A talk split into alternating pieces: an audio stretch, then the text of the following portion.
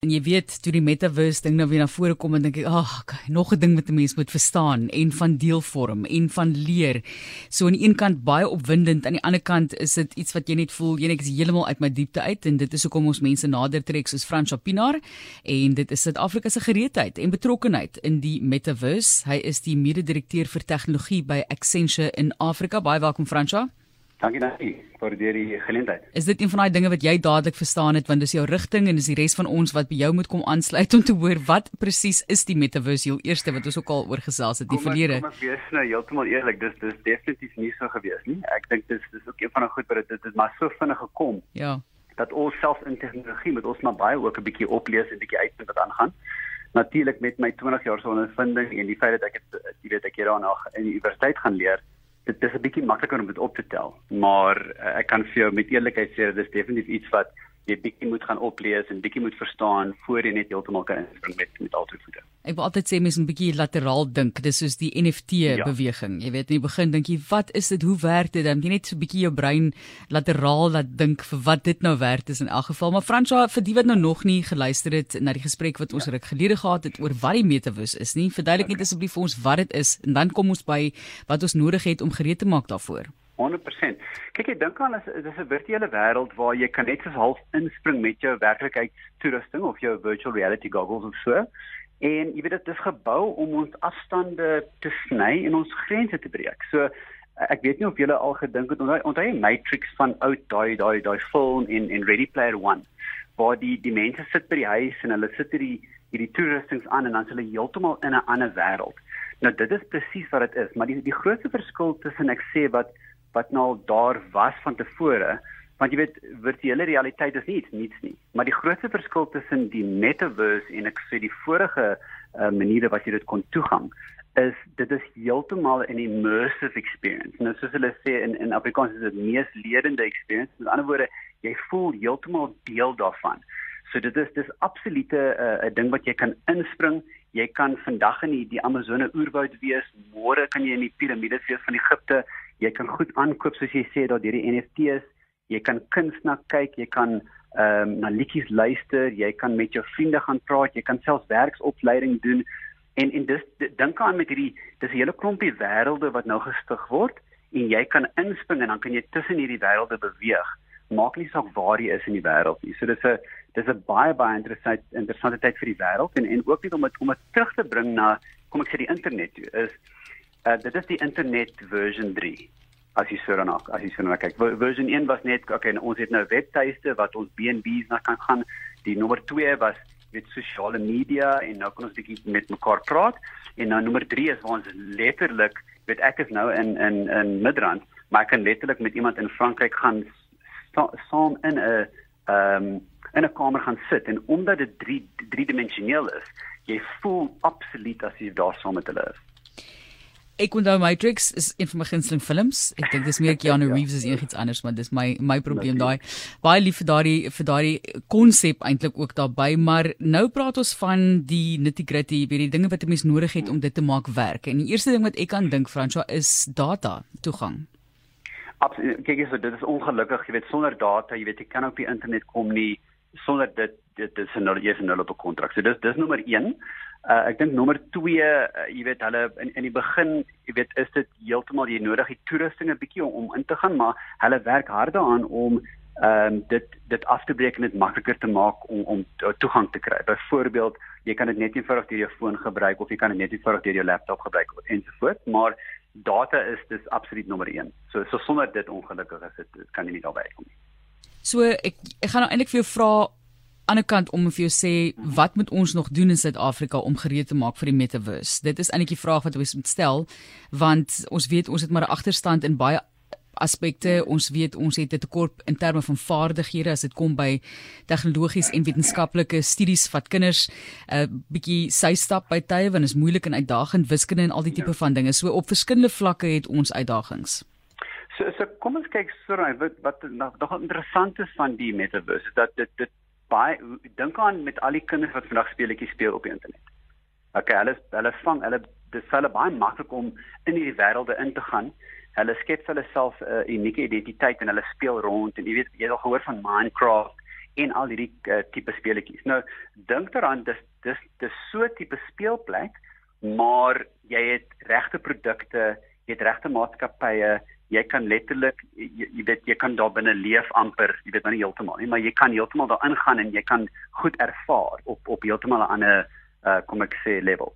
Nou wat moet ons doen om onsself voor te berei? Want jy weet jy het jy het natuurlik 'n paar kante om daarna te kyk. En die een een kant is die verbruiker. So kom ek sê ek en jy wat net wil bietjie rond gaan speel en goedjies gaan koop en en net dit uh ehm um, ervaar. Dan het jy ook die maatskappye wat wil deel wees van hierdie ekonomie. Okay, so aan daai kant het jy groot maatskappye, jy weet soos Accenture wat wat natuurlik maatskappye help om om daarbey uit te kom en en hierdie goed vir hulle te berei. En as jy kyk na die ehm um, na die verbruikers of kom ek sê die entrepreneurs, dis net 'n kwessie van gaan op die internet en en begin rond te speel en begin te leer en en jy weet begin jou eerste NFT te te, te maak wat jy miskien kan verkoop en dan van daar dan dan dan gaan jy maar vorentoe. Ek dink die die baie interessante ding ook is as jy kyk na ons obviously dit sit in die die die die die die, die in binne Afrika en die manier van ons ons het vorentoe moet vat met die die sosio-ekonomiese probleme wat ons het ehm um, die entrepreneurs vandag, dit is vir hulle baie moeiliker om deel te wees van die wêreldekonomie. Want jy weet jy het hierdie baie komplekse voorsieningsketting wat jy moet deel wees van as jy enigsins 'n produk uh vervaardig. Nou dink aan die metaverse wat daai grense heeltemal wegvat. So as jy 'n great idee het, dan jy weet met 'n bietjie van oplees kan jy in die metaverse inspring en jy kan vir daai produk vir jou daar insit en dan voor jy dit weet is daar weet duisende mense wat daarna kyk en miskien wil wil deel wees. Jy is welkom om 'n vraag te vra op die SMS lyn 45889 rand 50 per SMS indien jy vra het oor die metaverse. Kyk, ons praat nie nou hier oor die sosiale impak nie. Daar's baie mense wat praat oor daardie effek, jy weet die feit dat 'n persoon nie meer 'n koneksie fisiese en dan geestelike koneksie met 'n ander persoon gaan ja. hê noodwendig nie want jy's nou in hierdie ander wêreld die hele tyd. Hierdie ander wêreld wat jou koester en jou gelukkig maak en waar jy eintlik vir jouself 'n hele ander profiel kan skep. So dit is 'n gesprek vir 'n ander dag, maar as jy mens kyk na die hele hele siening byvoorbeeld van tegnologiese kant om die mens ook te beskerm op 'n manier. Ek dink tegnologie het ook daardie verantwoordelikheid as jy dink aan die platforms waarop ons is om ons te beskerm vir ons privaatheid, maar in hierdie geval dalk ook sielkundig, soos wat hulle nou praat van tieners en Instagram byvoorbeeld. So gee vir ons 'n idee van wat jou siening is van daardie perspektief. Kyk jy so jy weet om om eerlik te wees die, die metaverse is nog redelik nuut in daai opsig. So jy weet dit is nie asof daar ehm um, 'n uh, uh, welgevormde opinie is oor dit nog nie, maar as jy kyk na ehm um, artificial intelligence en hoe groot maatskappye het 'n ehm um, wat s'ie woordelik versoek hulle te verantwoordelikheid om dit reg te gebruik.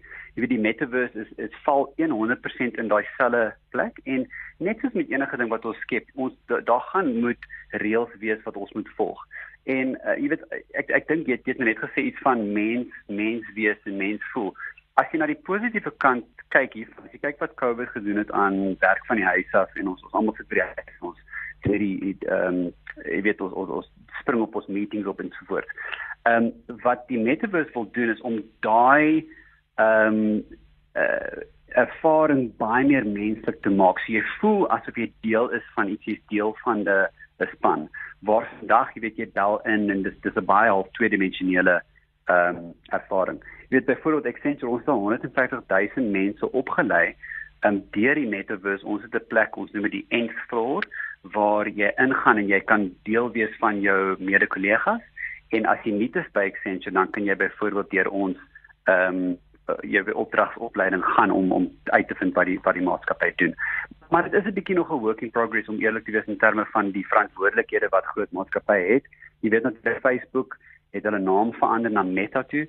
Ehm um, so hulle hulle lei en Microsoft byvoorbeeld doen ook baie groot goed in hierdie areas om die platforms te bou waar die entrepreneurs nou kan opspring en en kom ek sê hierdie areas skep waarin ons almal kan speel. En ja, soos jy sê mens wil nie mens wees eintlik vervang nie. Dis nie waaroor dit gaan nie, né? Nee, glad nie, glad nie. Net kortliks Fransjo van jou kant af, jy weet die belang hiervan vir enige persoon. As daar mense wat luister, ek dink ook ek luister daarna en dink ek, okay, ek, die metaverse kan maar sy ding doen. Ek is eers alright. Jy weet, ek is okay.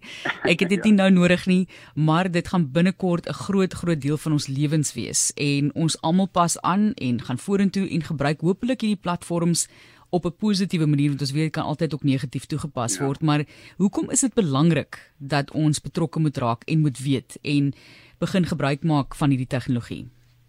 Jy weet ek jy weet jy maak nog 'n paar goeie punte daar. Ek dink as jy kyk na van die statistieke, hulle hulle dink dat hier by 2025 dis om die draai. Ehm um, dink hulle dat 'n uh, 'n uh, groot deel van die populasie sal amper 1 uur per dag in die metaverse spandeer. Ehm um, jy weet so dis nie asof dit alles gaan oorvat nie. Verstaan jy? Maar jy weet dis definitief 'n ding wat ek dink ons moet bietjie na kyk. As jy kyk na ehm um, die beroepe wat 10 jaar terug nie bestaan het nie wat vandag al alledaags is. Jy kyk na tegnologie en jy weet artificial intelligence en en al daai klas van dinge.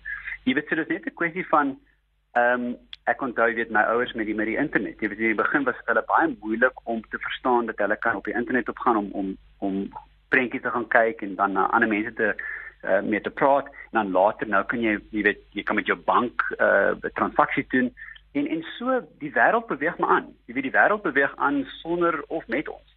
So ek dink hierdie is net dit is definitief die derde ehm um, version van die internet. So jy moet op 'n manier net opspring en bietjie weet wat aangaan.